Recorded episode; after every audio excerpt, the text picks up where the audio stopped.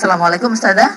Waalaikumsalam warahmatullahi wabarakatuh. Alhamdulillah sangat sehat walafiat. Alhamdulillah Masya sehat. Allah. Semoga tetap sehat, Amin. tetap semangat dan tetap taat. Amin. Tetap sehat, tetap semangat dan tetap taat. Ini Ustazah, masya Allah. Ya, ini baru pertama kali ketemu setelah Oh Ramadan. iya, Eh, saya mohon izin untuk menyampaikan dan Iya, menyapa Dul Air Victor. Uh, Taqabbalallahu minna wa minkum siyamana wa siyamakum. Uh, kullu amin wa antum bi khair ja'alana Allah minal aidin wal faizin. Semoga Allah menerima, semua amal ibadah kita di bulan Ramadan kemarin dan Allah menjadikan kita masuk ke dalam golongan orang-orang yang kembali kepada uh, fitrahnya dan juga uh, menjadi para pemenang ya. Amin. Ya, Saya mohon maaf lahir dan batin selama mungkin selama membersamai program uh, Fajar Rubrik. Parenting ya dalam Fajar Syiar Radio Alfitar ini kalau ada hal yang kurang berkenan saya mohon dimaafkan diikhlaskan atas segala salah dan hilaf Sama-sama Ustazah. Kami juga mengucapkan terima kasih Mewakili semua tulur-tulur El Victor Pencerahannya Semangatnya Kembali kita untuk mengawal keluarga Menjadi keluarga yang betul-betul Keluarga yang taat dengan agama Seperti yang Allah dan Rasul ajarkan. Begitu. Amin ya Rabbal Alamin. Ya Alamin. Ya Ustazah eh, Hari ini kita punya satu bahasan Tentang menguatkan keluarga dengan energi Ramadan Eh, Ada informasi lain sebelum ke topik? ah nggak ada mbak Nima nggak ada. Dulur El Victor, pagi hari ini kita akan memulai. Oh ya, untuk eh, kajian Muslim tangguh, Muslimah tangguh, Muslimah tangguh ya. Jadi ini memang khusus untuk muslimah. ah muslimah saja memang Khusus muslimah yang tangguh. Ini kajiannya setiap minggu. Eh, set- kalau Ramadan kemarin awal dulu setiap Jumat, Setiap kemudian Jumat. Ramadan sebelum Ramadan itu kemudian menjadi satu bulan satu kali di Jumat ketiga. Oke. Ramadan menjadi setiap Jumat lagi dan setelah Ramadan sepertinya Jumat ketiga lagi. Jumat ketiga. Setiap Jumat ketiga insya Satu Allah. bulan sekali. Satu bulan sekali, ya. Oke, Alhamdulillah. Oke, Bisa mendapatkan banyak bekal di situ ya, saling mengingatkan ya Ustazah ya. Tag lainnya adalah sahabat kuat dalam taat. Sahabat kuat Dalam dalam, taat, taat, ya. Sahabat kuat dalam taat. Masya Allah. Saling menguatkan jadi di saling situ saling menguatkan menguatkan. ya. Oke, saling menguatkan. Itulah indahnya persaudaraan dalam iman itu ya. Iya, betul. Insya Allah. Jadi me- apa memiliki komunitas yang Mhm. sangat eh, mendukung kita untuk melakukan kebaikan itu satu kenikmatan. Masya Allah, Subhanallah. Saestu. Jadi justru harus kita cari. Mhm. Bahkan eh, pada di akhirat nanti ketika kemudian kita biasa bersama-sama dengan teman, dengan sohib ya. eh, biasa biasa berperjalanan dalam kebaikan, mungkin menuntut ilmu bareng Oke. atau ngaji bareng, Ngaji bareng. mendengarkan mendengarkan acara-acara pengajian di El Victor juga bareng mungkin di kos-kosannya begitu ya, mengingatkan eh, apa namanya sholat malam atau Oke. belajar apa pun yang lain ya itu merupakan Sama-sama. kebaikan. Kemudian eh, ternyata pada waktu kita dimasukkan oleh Allah di surga dan tidak menjumpai teman kita, itu kita teman yang baik itu diberikan oleh Allah sebuah kesempatan untuk memberi syafaat pada temannya. Dia bisa boleh Bisa bertanya. Dia boleh bertanya, di mana teman saya ini? Kami dulu selalu bersama-sama begini dan disuruh Bersama, menanyakan. gitu. Iya. Ustazah nanti saya dicari nggih. Nah, gitu. Tanya ke mana ini teman saya yang ya. ke mana-mana saya biasa siaran berdua untuk ada menyampaikan gitu ya, Islam, kita belajar bareng. Nah itu Dicari saling ya, Ustazah. saling mencari. Masya Allah. saling mencari. Ya, Ustazah inilah eh, indahnya ya saling menguatkan ketika saudara kita ini lagi terpuruk, lagi apa, kita segera menolong, kita segera menguatkan Betul, begitu ya. betul. Agar tidak Masya Allah tidak terjerumus karena ketika ada persoalan itu belum tentu saudara itu terus kemudian punya solusi, kemudian belum tentu punya cara pandang, cara pikir yang kembali kepada Allah, kembali kepada agama, kembali kepada Islam begitu. Betul. Masya Allah. Begitu termasuk apa yang kemudian eh, kenapa topik hari ini saya pilih begitu juga ada harapannya adalah membantu menguatkan keluarga-keluarga muslim karena kita kita merasa eh, keluarga muslim mana pun itu juga bagian dari kekuatan dari umat ini ya. Oke. eh, saudari-saudari kita para ibu-ibu muslimah yang lain juga semuanya itu adalah saudari-saudari kita yang kita inginkan kebaikan dari mereka Oke. Karena kita menginginkan kebaikan dari mereka ketika kemudian kita mengetahui sesuatu yang sekiranya itu bisa membantu mereka maka kemudian kita menginginkan itu juga dimiliki. Termasuk adalah eh, kita ingin berbagi pagi ini dengan eh, membahas topik bagaimana menjadikan energi Ramadan yang luar biasa. Oke. kemarin itu kalau di bahasan bulan lalu saya pakai judul eh, Ramadan istimewa menghebatkan generasi terbaik ya Generasi terbaik. jadi kita sudah dihebatkan dengan Ramadan itu. Setelah Ramadan selesai apa kemudian kita langsung meluncur jatuh menjadi umat yang lemah gitu, keluarga yang kemudian jadi amburadul kembali itu bagaimana?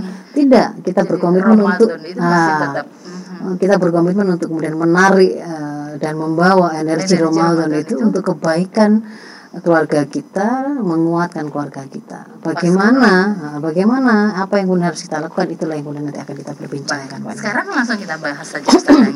Silakan Ustaz.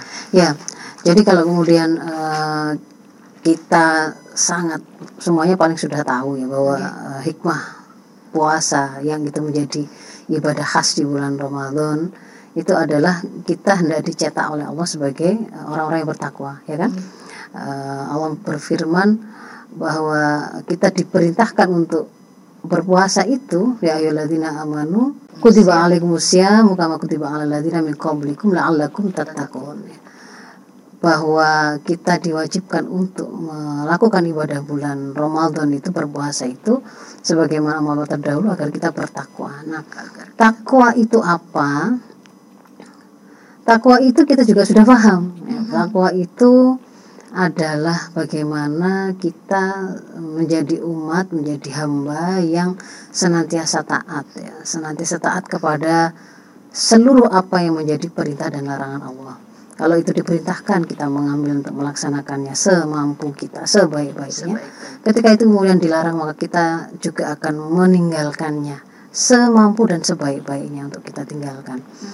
Dan eh, kemudian di banyak dalil Allah memberikan sebuah eh, apa namanya kabar gembira bahwa kalau kemudian kita itu menjadi eh, umat yang bertakwa, hamba yang bertakwa, maka imbalan bagi ketakwaan itu adalah banyak sekali kebaikan-kebaikan, banyak sekali kenikmatan-kenikmatan. imbalan dari ketaatan ah, itu. ibadah keba- dari ketaatan itu. Kalau misalkan secara contohnya saya mengambil eh, di Al-Ahzab ya, Al-Ahzab 7071. Di sana Allah berfirman, "A'udzubillahi minasyaitonirrajim. Ya ayyuhalladzina amanu taqullaha wa qulu qawlan sadida." Wahai orang-orang yang beriman, eh, bertakwalah kalian kepada Allah, ya. Bertakwalah kalian kepada Allah dan katakanlah perkataan yang sadida, perkataan yang eh, yang jelas, yang tegas ya, perkataan yang benar. Yuslih lakum a'malukum a'malakum wa yaghfir lakum dzunubakum. Allah akan memperbaiki bagi kalian eh, aktivitas atau amal-amal kalian dan Allah akan mengampuni dosa-dosa kalian. Wa may yuti'illah wa rasulah dan barang siapa yang taat kepada Allah dan Rasulnya faqad faza fauzan azima. Maka mereka sesungguhnya telah faza itu menang ya. Menang. menang dengan fauzan azima Fauzan. dengan kemenangan yang besar.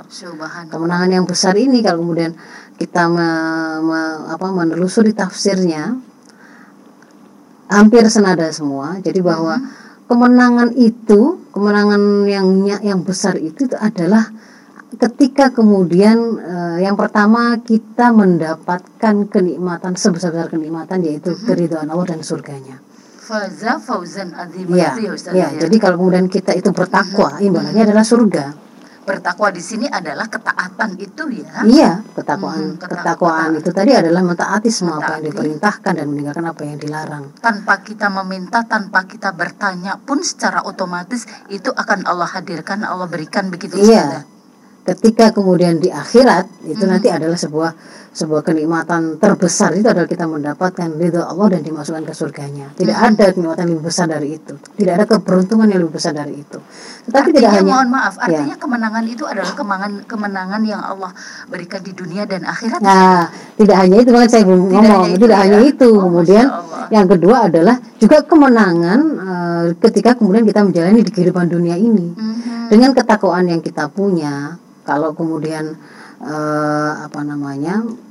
Kita sering sekali membahas tentang bagaimana kemudian Allah menjanjikan ketika kita mentaati syariah maka kita akan eh, diberikan keberkahan yang diturunkan dari langit dan bumi kan walau an ahla dzikra amanu wattaqau la fatahna alaihim minas samai wal kan begitu jadi kalau kalau satu penduduk negeri itu beriman dan bertakwa Mhm.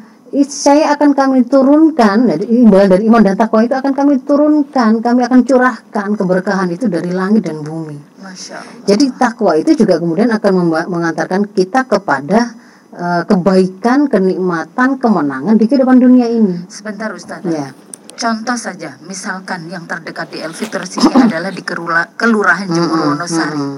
Misalkan di Kelurahan Jemur Wonosari ini seluruh penduduknya itu bertakwa.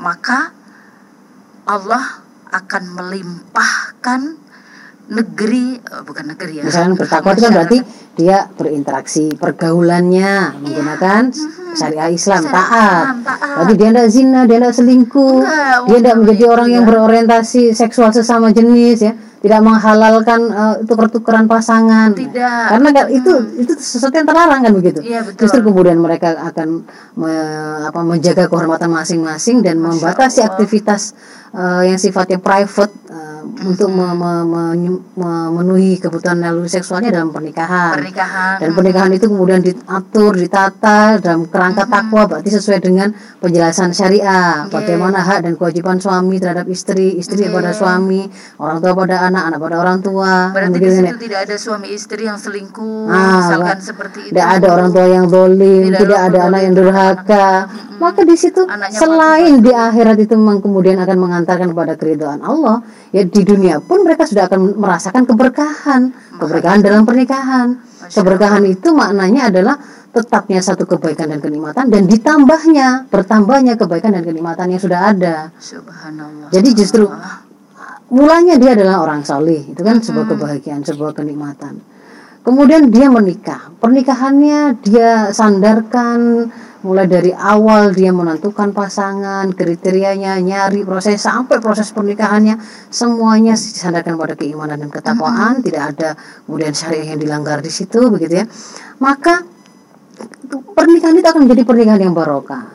Darinya akan eh, semakin melahirkan banyak kebaikan-kebaikan dan kebahagiaan. Sudahlah mereka itu ter- terpelihara dari zina, mereka kemudian juga bisa mau mendapatkan kenikmatan eh, berjima sebagai suami istri, pergaulan yang lain juga kan begitu ya. Saling berkasih sayang, mungkin akan lahir anak-anak yang berkah yang akan mengantarkan kepada mungkin mereka akan menjadi pemimpin yang bertakwa di Masya masa Allah. depan. Dia menjadi eh, sebuah keluarga yang yang menjadi kebaikan untuk tetangganya lingkungan rumah RT-nya kan begitu kan ya? Sumbrah ke tetangga iya kalau itu kalau memang pernikahan itu barokah ya begitu itu. Gitu ya masya Ya. Allah. Dan tidak kemudian eh, apa namanya tidak tergantung pada lama lama atau singkatnya. Oke. Maksud, maksudnya keberkahan itu tidak berarti jodohnya itu berarti harus lama. Enggak contohnya kita merasakan keberkahan dari pernikahannya orang tua Oke. eh, apa namanya Imam Syafi'i. Imam Syafi'i itu eh, lahir dalam keadaan sudah yatim. Mhm, ya lahir kan? itu sudah yatim. sudah berarti kan yatim, sudah ya. sebenarnya pernikahan pernikahan orang tuanya itu singkat. Tidak, singkat. Tapi barokah. Tapi kemudian generasi sampai kita berapa puluh tahun ini sudah berapa ribuan tahun ini kita merasakan masya Allah itu anugerah yang luar dulu saya pernah biasa. bertanya sama dokter Faiza gitu ya tentang eh, figur atau profil Imam Syafi'i ini ini orang tuanya seperti apa ya luar biasa ya. Iya. semua imam itu luar biasa semua, semua imam itu luar biasa semua orang tua orang tuanya tuanya meninggal, ayahnya meninggal, terus kemudian bagaimana ya? Ini dulu orang tuanya, bagaimana ibunya mendidiknya dan sebagainya, masya Allah. Ini adalah keluarga-keluarga yang taat ya Ustazah Hmm, ya. hmm. Oke, Ustazah, nggih, silakan Ya, dilanjut. jadi eh, itu adalah uh, apa namanya kebaikan, keberuntungan, kenikmatan yang akan kita dapatkan ketika kita bertakwa. Dan takwa itu uh-huh. sudah dicetak ya, kita dibiasakan untuk menjadi hamba yang sudah siap untuk taat, samina wa atokna, menjadi hamba yang ikhlas me, apa, melakukan ibadah itu karena Allah bukan karena yang lain. Karena puasa itu kan kekhasannya dia dia adalah ibadah untukku ya. Kita tidak bisa bergaya bergaya untuk apa namanya pencitraan kalau puasa itu nggak bisa itu untuk pencitraan kita pura-pura kayak orang kelaparan lemas gitu nah hakikatnya dia tidak puasa ya tidak puasa di siapa masa bujuk orang seluruh dunia itu tidak bisa bilang gitu ya hmm. puasa iya. gitu ya tapi hakikatnya di mata Allah ya ya memang dia nggak puasa kalau nggak puasa. puasa ya makanya ya puasa. ketika seorang itu berpuasa itu berpuasa itu adalah untukku maka hmm. wa ana ajribi kan begitu aku yang akan membalasnya sendiri dan itu sebuah apa namanya sebuah latihan sebuah training yang membuat kita itu memang terbiasa mengikhlaskan ibadah kita. Nah ini kan energi yang diciptakan oleh oleh Ramadan. E, keinginan apa namanya kemudahan kita untuk sami'na wa ata'na kesiapan kita untuk taat kesiapan kita memurnikan ibadah itu karena Allah mengharap itu uh, ibadah-ibadah kita itu ya karena Allah kita lakukannya. Dan itu kemudian akan mengantarkan kita kepada kebaikan-kebaikan karena syariah yang kita taati tadi.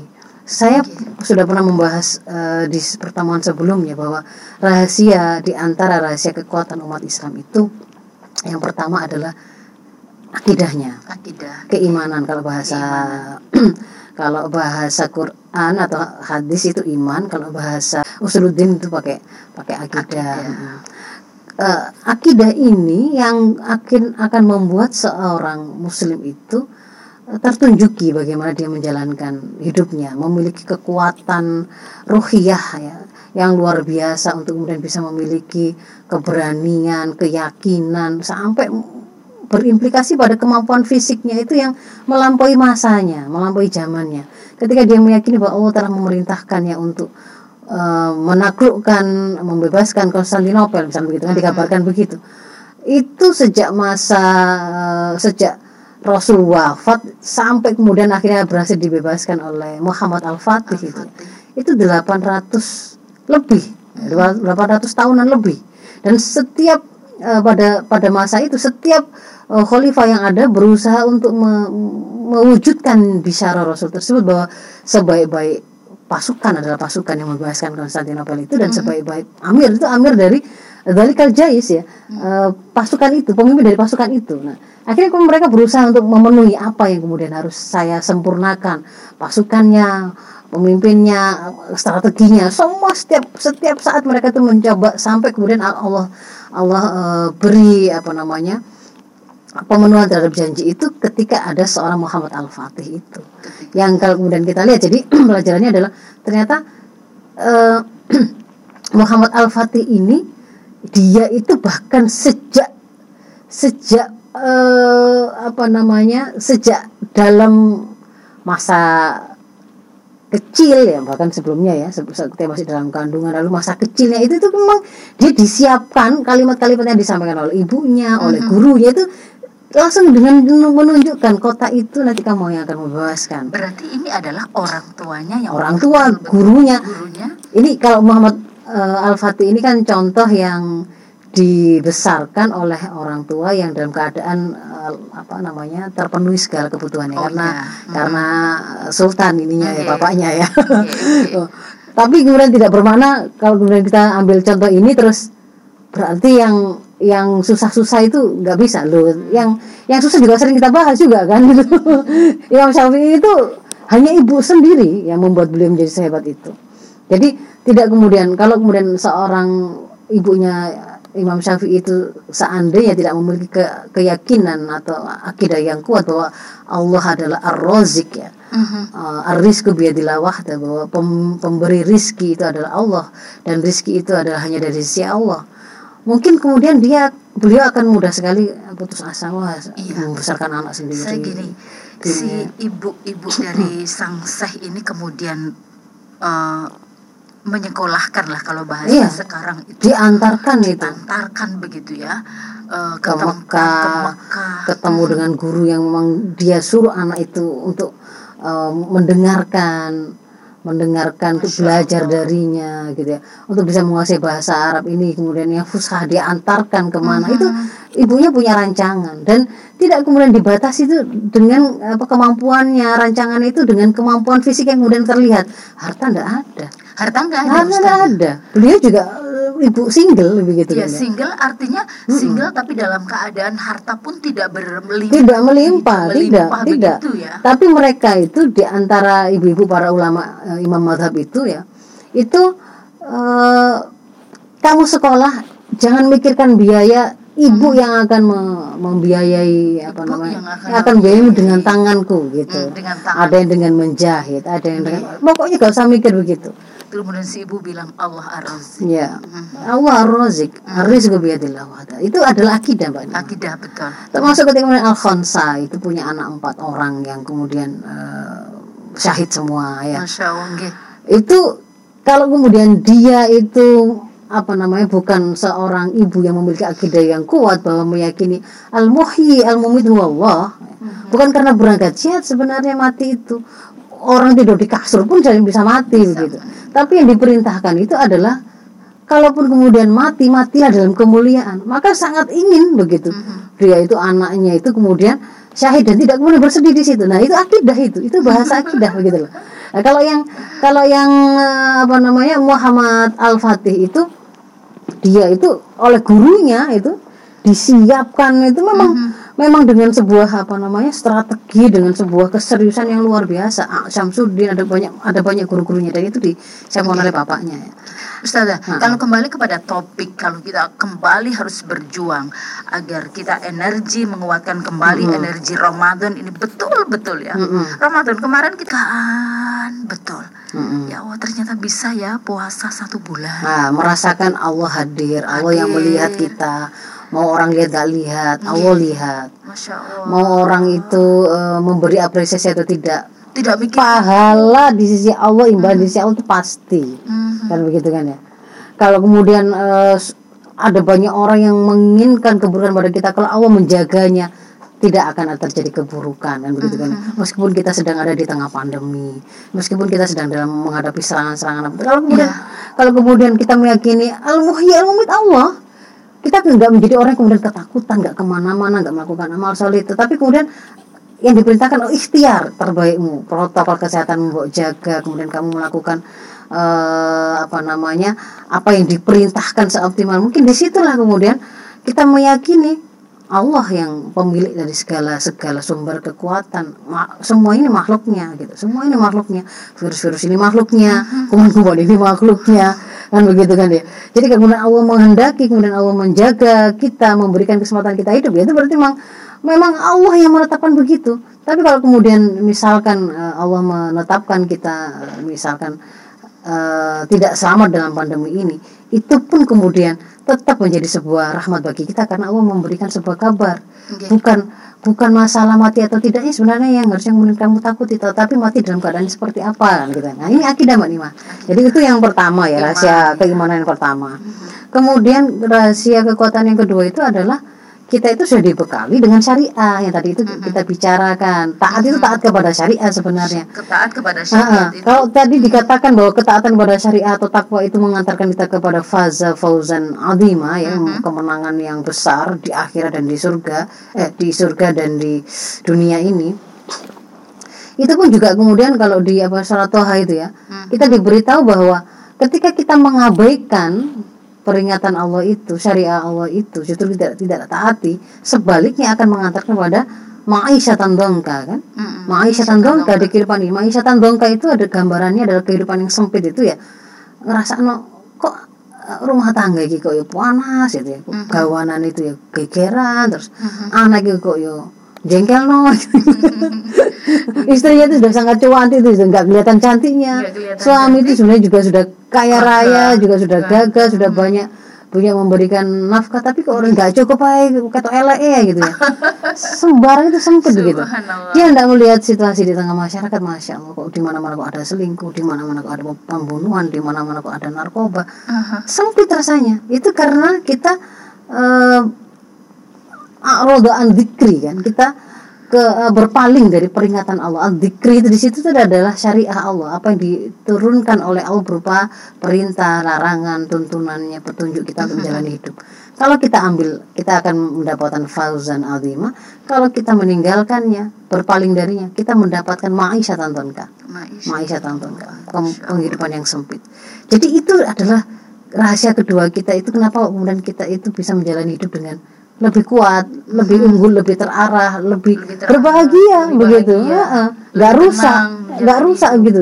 Anak-anak kita nggak rusak, suami suami istri kita masing-masing juga Allah terpelihara karena dia taat pada syariat di situlah hmm. kemudian ya, jadi yang kedua itu lebih ke arah syariahnya kalau yang ketiga itu adalah kemauan dan kesiapan kita untuk mengambil tuntunan syariah itu dan itu hmm. di di apa namanya dibina atau di hmm. sudah dilatih selama Ramadan kemarin tinggal teruskan saja dengan membiasakan kita mendekat kepada Allah itu memudahkan kita untuk menyambut seruannya memudahkan kita untuk taat hmm Jadi memperbanyak amalan-amalan yang melakukan takorub ilallah. Takorub ilallah itu caranya yang pertama sempurnakan seluruh kewajiban dan tinggalkan mm-hmm. seluruh keharaman. Okay.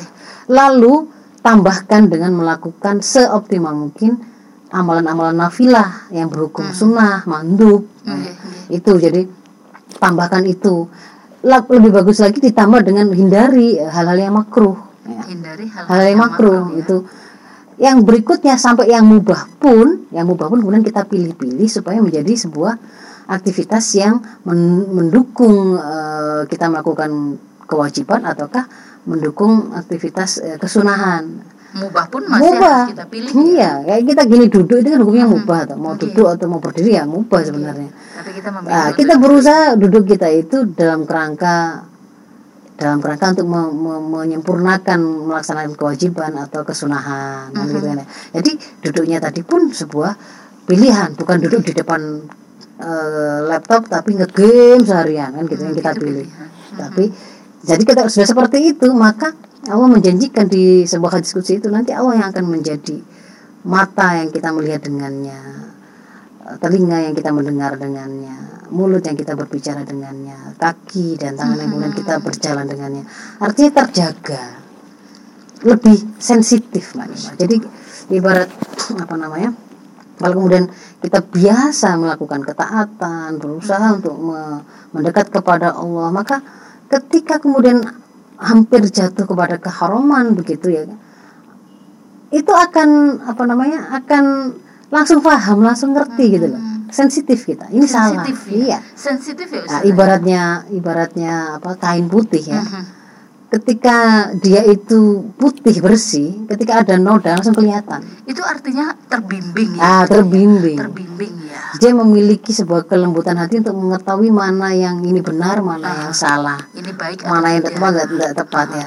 Selain mafhum tadi, okay. mafhum itu memang secara pemahaman memang menuntun kita. Oh. Tetapi yang kemudian mengasah juga ke sensitifan kita untuk melihat ini salah atau tidak itu ya juga uh -huh. karena kedekatan kita kepada Allah. Jadi Allah yang akan menjaga mata kita supaya tidak ah. jatuh kepada keharuman, ke telinga kita dan seterusnya. Termasuk perkara-perkara ini perkara ini baik nggak ya? Iya. Begitu ya. Iya. Allah akan bimbing. Itu di antara yang dijanjikan kalau kita berusaha melakukan takarub Allah. Hmm, hmm, hmm, Kemudian eh, yang lain lagi apa namanya akan menguatkan keluarga kita ya. Yang akan menguatkan keluarga kita itu adalah untuk bisa melakukan ketaatan tadi selain kita biasakan adalah kita mengilmui ya, mengilmui gimana ini jadi mengilmui syariah tadi tuntunan tadi hmm.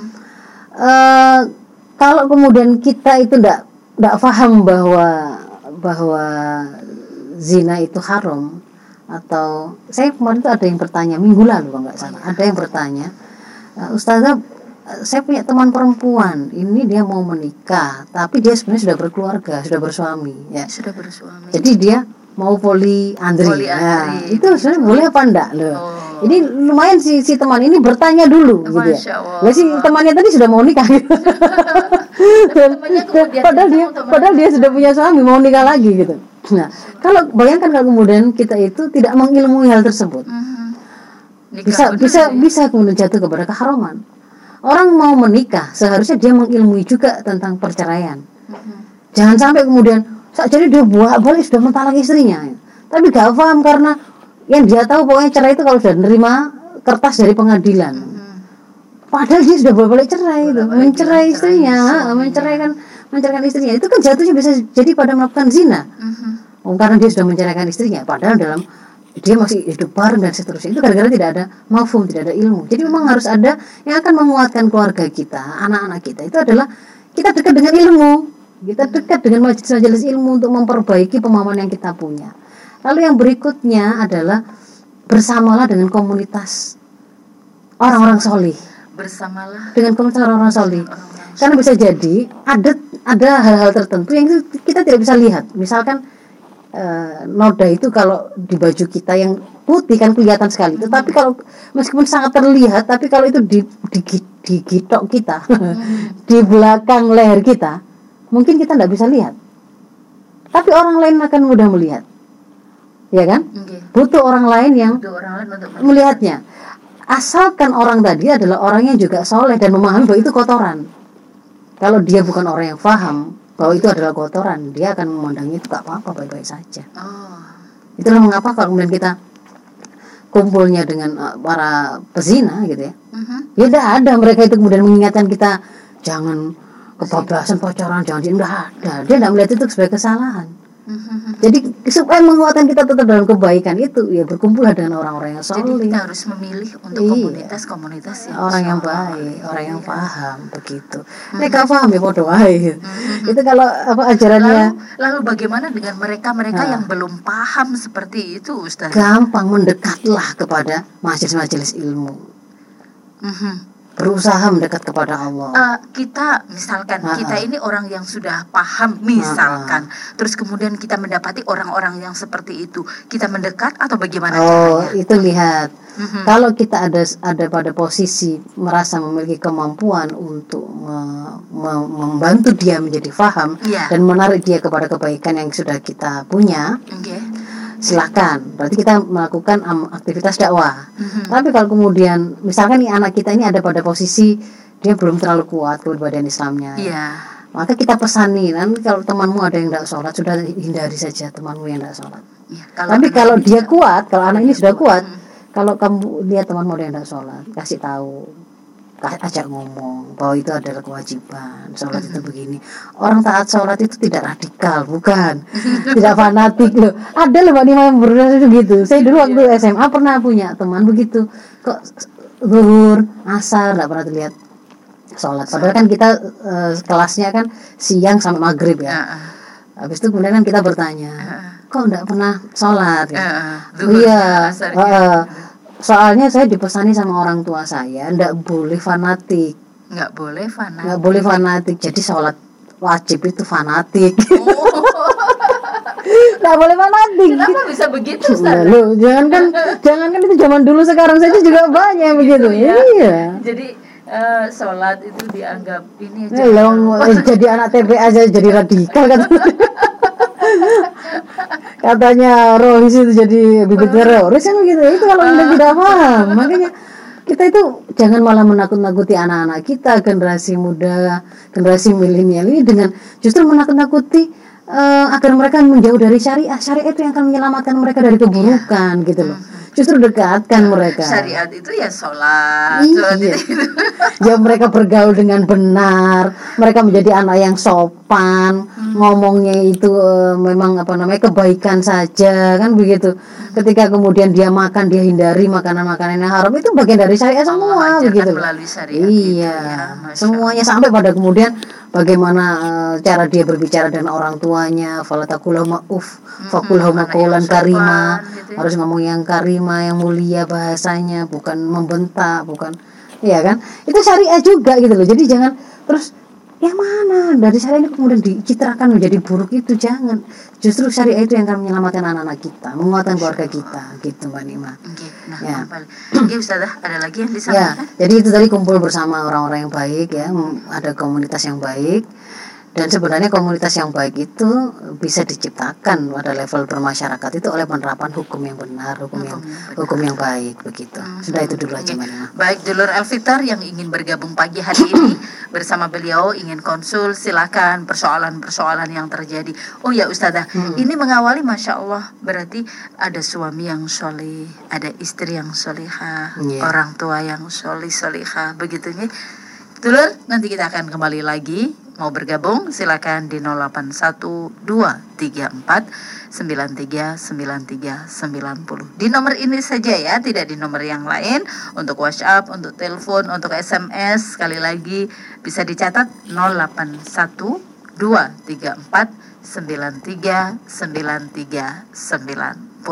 Kami akan kembali setelah yang berikut ini.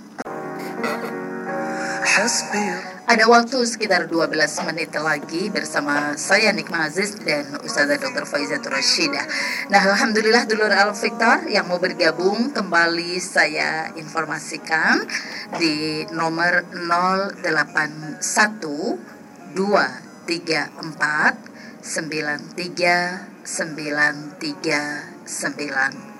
ya sekali lagi di nomor ini bisa bergabung bisa bertanya bisa konsul bisa SMS bisa WhatsApp juga sekali lagi di 081 234 93 93 90 kembali bersama Dr. Faiza Roshidah Ustazah saya gabung dulu ya yeah. Assalamualaikum Waalaikumsalam warahmatullahi wabarakatuh. Alhamdulillah, ini suaranya Bu Yuli, nggih? Nggih, Mbak Nima. Alhamdulillah, sehat semuanya. Alhamdulillah. Masya Allah. Dadah. Nggih, monggo. Pak Isi, dadah. Sami-sami. Ngapunten ya, saya banyak salah nang jenengan. Oh gitu. Ustazah bingung ini. Iya ga? Bingung ya. Kenal gak bu? Pernah ketemu gak bu? Bu Juli. Di Facebook itu ya. Oh di Facebook. itu kalau iya kalau siaran langsung itu ya saya sering komentar di situ ya. Pakai masker itu loh. Uh. Ustazah itu kok gak dibuka maskernya. oh gitu. Oh, padahal kan jika sebelum sebelumnya yang dulu dulu sebelum pandemi kan nggak pakai masker kan, kan saya jadi kesel juga. Aduh ya. Hmm, ngapunten loh Ustazah gitu. iya. Hmm, Ustazah ini loh. Saya itu sering terganggu dengan rasa bersalah. Begini Ustazah. Kenapa? Saya itu sering merasa saya belum jadi belum jadi orang tua yang baik untuk anak-anak saya ya. Saya belum bisa jadi bapak dan ibu untuk anak-anak saya. Uh, yang terpenting itu masalah sholat itu hmm Saya memang keras ya Ustazah itu. Satu contoh tadi itu saya sempat sedikit marah ya. Saya sudah berangkat ke masjid, anak saya masih molor gitu ya. Mm-hmm. Terus udah bangun sebenarnya. Terus saya pulang loh, masih molor semua. Sudah marah, sebenarnya saya sampet ya. Ya Allah nak, kamu kok lebih berat HP-nya ketimbang jadi omongannya ibu. Hmm, sudah bangun Jadi, tapi pegang HP gitu ya? Ya ya mungkin aja ya. Kan kebanyakan anak sekarang oh, kan lebih berat HP ya mbak ya. ya jadi kata omongannya orang tuanya gitu loh oh, jadi gitu. itu ya tapi menjadikan saya tuh ya Allah saya ini masih belum baik ya untuk anak-anak saya. Saya sudah berusaha semaksimal mungkin ya memberikan contoh memberikan ya omongan lah nasihat gitu loh. Sebenarnya ngempet sampai marah aja sampai yeah. marah gitu. Loh Iya, iya, iya. itu ya bagaimana Ustazah rasa rasa bersalah itu apakah teramat lebay ya gitu ya? Hmm saya itu ingin ya. menghindari seperti itu gitu loh. Tapi ya belum bisa.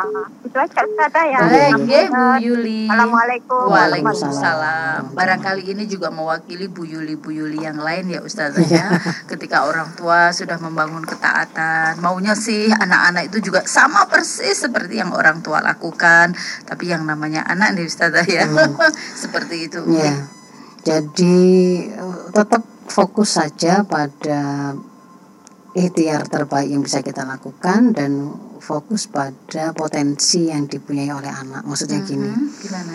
kita kan tahu anak itu punya telinga, punya hati, pu- bisa mendengar, dia kan bisa merasakan, dia juga punya akal, bisa difahamkan. Sudah itu saja fo- fokus pada menginstal kebaikan tadi. Nah, tapi bahasanya yang ganti-ganti, pakai kecerdasan berbahasa ibu ya. Jadi jangan isinya kalimat itu pancet aja. Tangi, sholat gak? Gak sholat tak Hmm. tak nyos ikut toh gitu ya selama lama itu Nah, pakai bahasa itu kan itu dinyos. nah kan macam-macam berbahasa itu mulai dari ya ya Allah anak soleh kesayangan ibu Berarti harus dilus-lus dulu ya Ustazah ya. hari ini begitu hari yang lain nah kalau kamu tidak bangun nah padahal om itu ibu itu pengen besok itu ketemu lagi kamu kamu di surga. Nah, kan nggak sholat itu terus ya opo Nggak Ibu- ketemu lah ibu sholat kamu nggak sholat dan begitu. Kadang-kadang kita pakai bahasa eh, sakofa pakai bahasa pemahaman. Umurmu itu sudah berapa? Sudah balik sudah mukalaf sudah dihitung oleh Allah sendiri. Kamu kalau nggak sholat itu ada hitungannya sendiri. Sudah bukan salah ibu Oh. Sholat itu hukumnya wajib. Wajib itu artinya begini, itu bahasa pakai bahasa sakofa, pakai bahasa pemahaman. Kadang-kadang pakai bahasa hati, bahasa perasaan. Pokoknya emang jadi ibu itu memang dituntut kecerdasan berbahasa. Kecerdasan, dituntut Begitu. kecerdasan berbahasa. Iya kadang ngomong Dituntut begini, kreatif. tapi kita tetap tetap nggak kemudian perlu kesabaran Ustazah. betul. Loh, anak itu dititipkan memang untuk disuruh ngajari ya begitu kan. Gak diajari, awal yang ngajari ya gampang. Jadi jangan ngajari. sampai anak itu taunya ibunya mengatakan kok nggak salat? Nah, itu kan memang kita sudah dikasih oleh Allah kesempatan memperbanyak amal melalui dihadirkannya anak tadi. Kita dikasih amanah. Ya. Kalau Allah sebenarnya menghendaki anak itu sholat, Mhm. mau kemudian taat, terserah Allah mau dibalik seketika ya langsung bisa. Masya Ya kan? Tapi kan itu memang memang kesempatan kita diberikan oleh Allah. Jadi ikhtiar. Nah, jadi kan berarti tua, fokus ya. pada kita melakukan ikhtiar yang memang jadi jatahnya kita, yang terbaik. Lalu supaya tidak putus asa, fokus saja pada potensi anak. Anak iki duwe kuping, duwe kuping. Masih kok ini gak ngurungono. Dia punya punya telinga yang bisa mendengar. Dia punya hati yang bisa merasakan eh, kesedihan ibunya, mendengar harapan-harapan ibunya.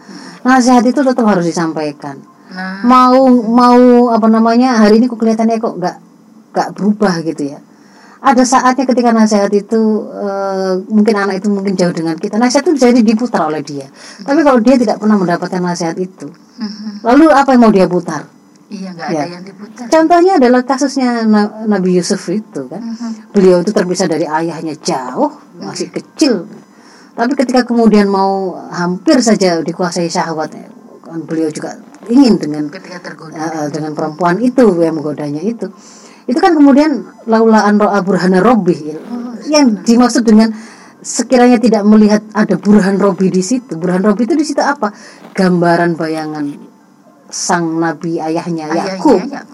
hadir untuk kemudian dalam apa namanya dalam ekspresi yang dia kenali itu re- ekspresi yang tidak tidak berkenan dan apa yang dia lakukan. Dan kemudian eh, menyampaikan nasihat begitu menyampaikan nasihat. Menyampaikan nasihat Yusuf kamu itu keturunan dari nabi yang mulia keturunan Ibrahim begitu begitu gak ada cerita itu kamu melakukan zina itu kalau bahasa kita itu begitu. ada. Nah, sama dengan kemudian anak kita mungkin hari ini ya, hari ini kita ngasih taunya sekarang. Nanti ternyata diputar waktu dia di pondok. Waktu dia ngekos waktu kuliah, waktu dia di rumah tangga, waktu nggak menghadapi anaknya begini ternyata oh iya saya harus begini ya. Ibu, ibu dulu begini ngasih taunya, ayah saya dulu begini. itu semuanya akan terekam ya. Iya, terus saya terus wes, nasihat-nasihat. ya wes aku motong wes gak ada. Cerdas berbahasa.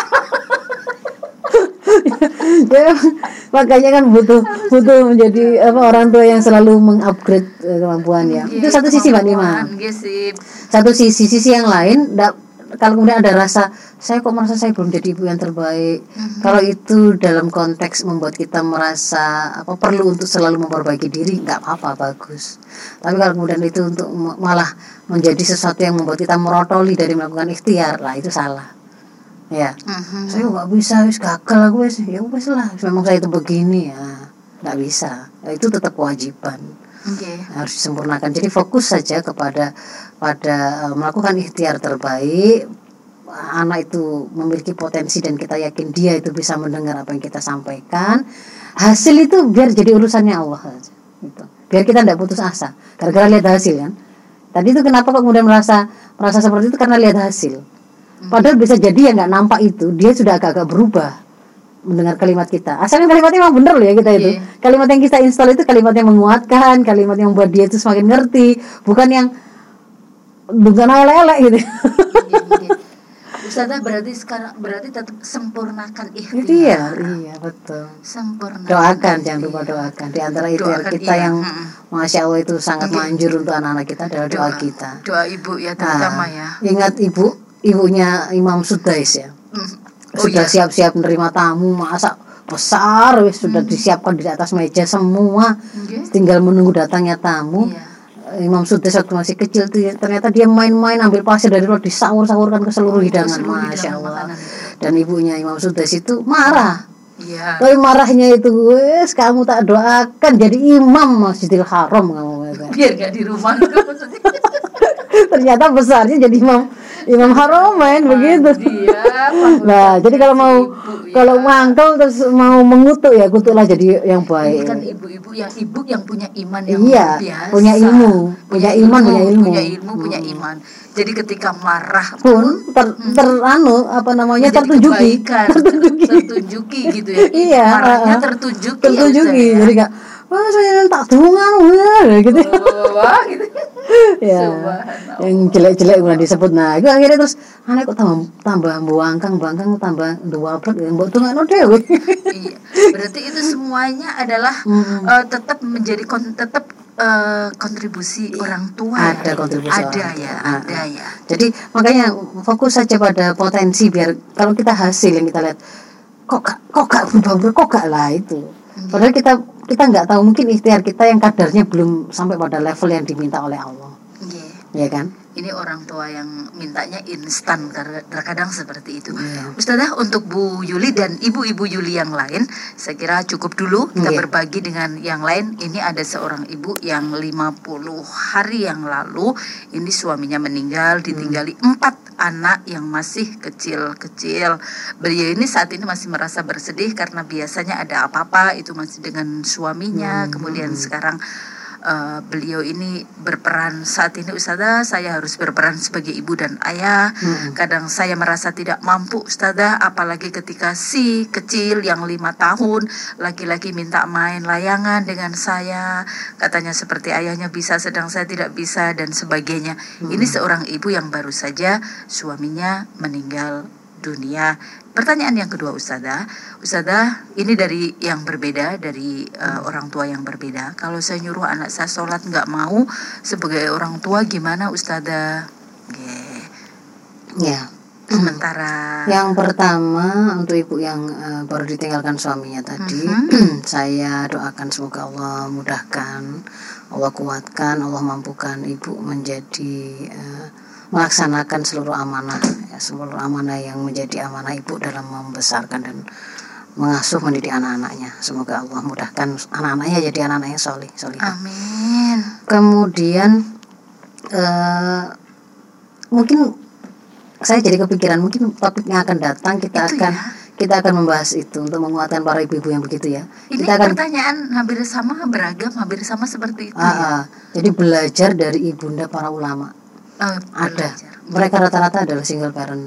Oke. Nanti di situ kisahnya cukup dengan diceritakan saja mungkin akan wah begitu ya. Iya. akan ngerti. Jadi eh, ibu kalau sudah seperti sudah sudah kemudian menjadi kodoknya Allah, sudah nggak usah di masa lalu itu nggak usah diangan-angan, Mhm. sudah fokus saja ke depan. Oke. Kalau kemudian merasa ada ketidakmampuan, ada kelemahan, minta kepada Allah untuk dikuatkan, minta kepada Allah untuk diberi kemampuan. Kalau kemudian anak-anak itu sudah ada pada yang di antara empat orang itu sudah ada yang dewasa dan bisa diajak omong yang tujuh tahun ketiga, jadi sudah usia 15 ke atas ya. Itu fase mereka fase memperlakukan atau mendidiknya seperti seorang teman baik atau teman kepercayaan. Iya. bisa diajak ngomong sudah. Sudah biasa diajak ngomong eh, yang membuat dia ngerti keadaan ibu kesulitannya apa harapan ibu apa kepada sang anak itu ingin dibantu seperti apa. Bekerja sama untuk meringankan apa yang menjadi beban ibu.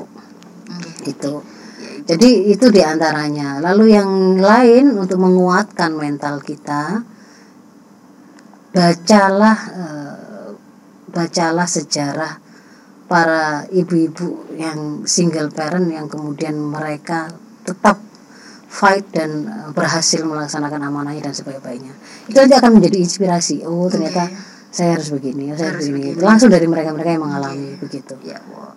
Saya jadi ingat Ustaz.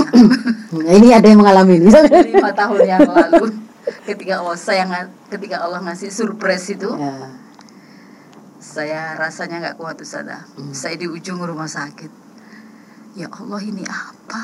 jadi belum belum tahu waktu itu ya Allah ini apa? Meninggal kalau suami meninggal. Ah, oh, sudah tahu ya Sudah tahu kalau dokter mengabarkan itu. Kemudian saya keluar meninggalkan almarhum. Ya Allah ini apa? Ketika anak-anak masih kecil, tiga tahun gitu ya. Terus kemudian saya bangkit.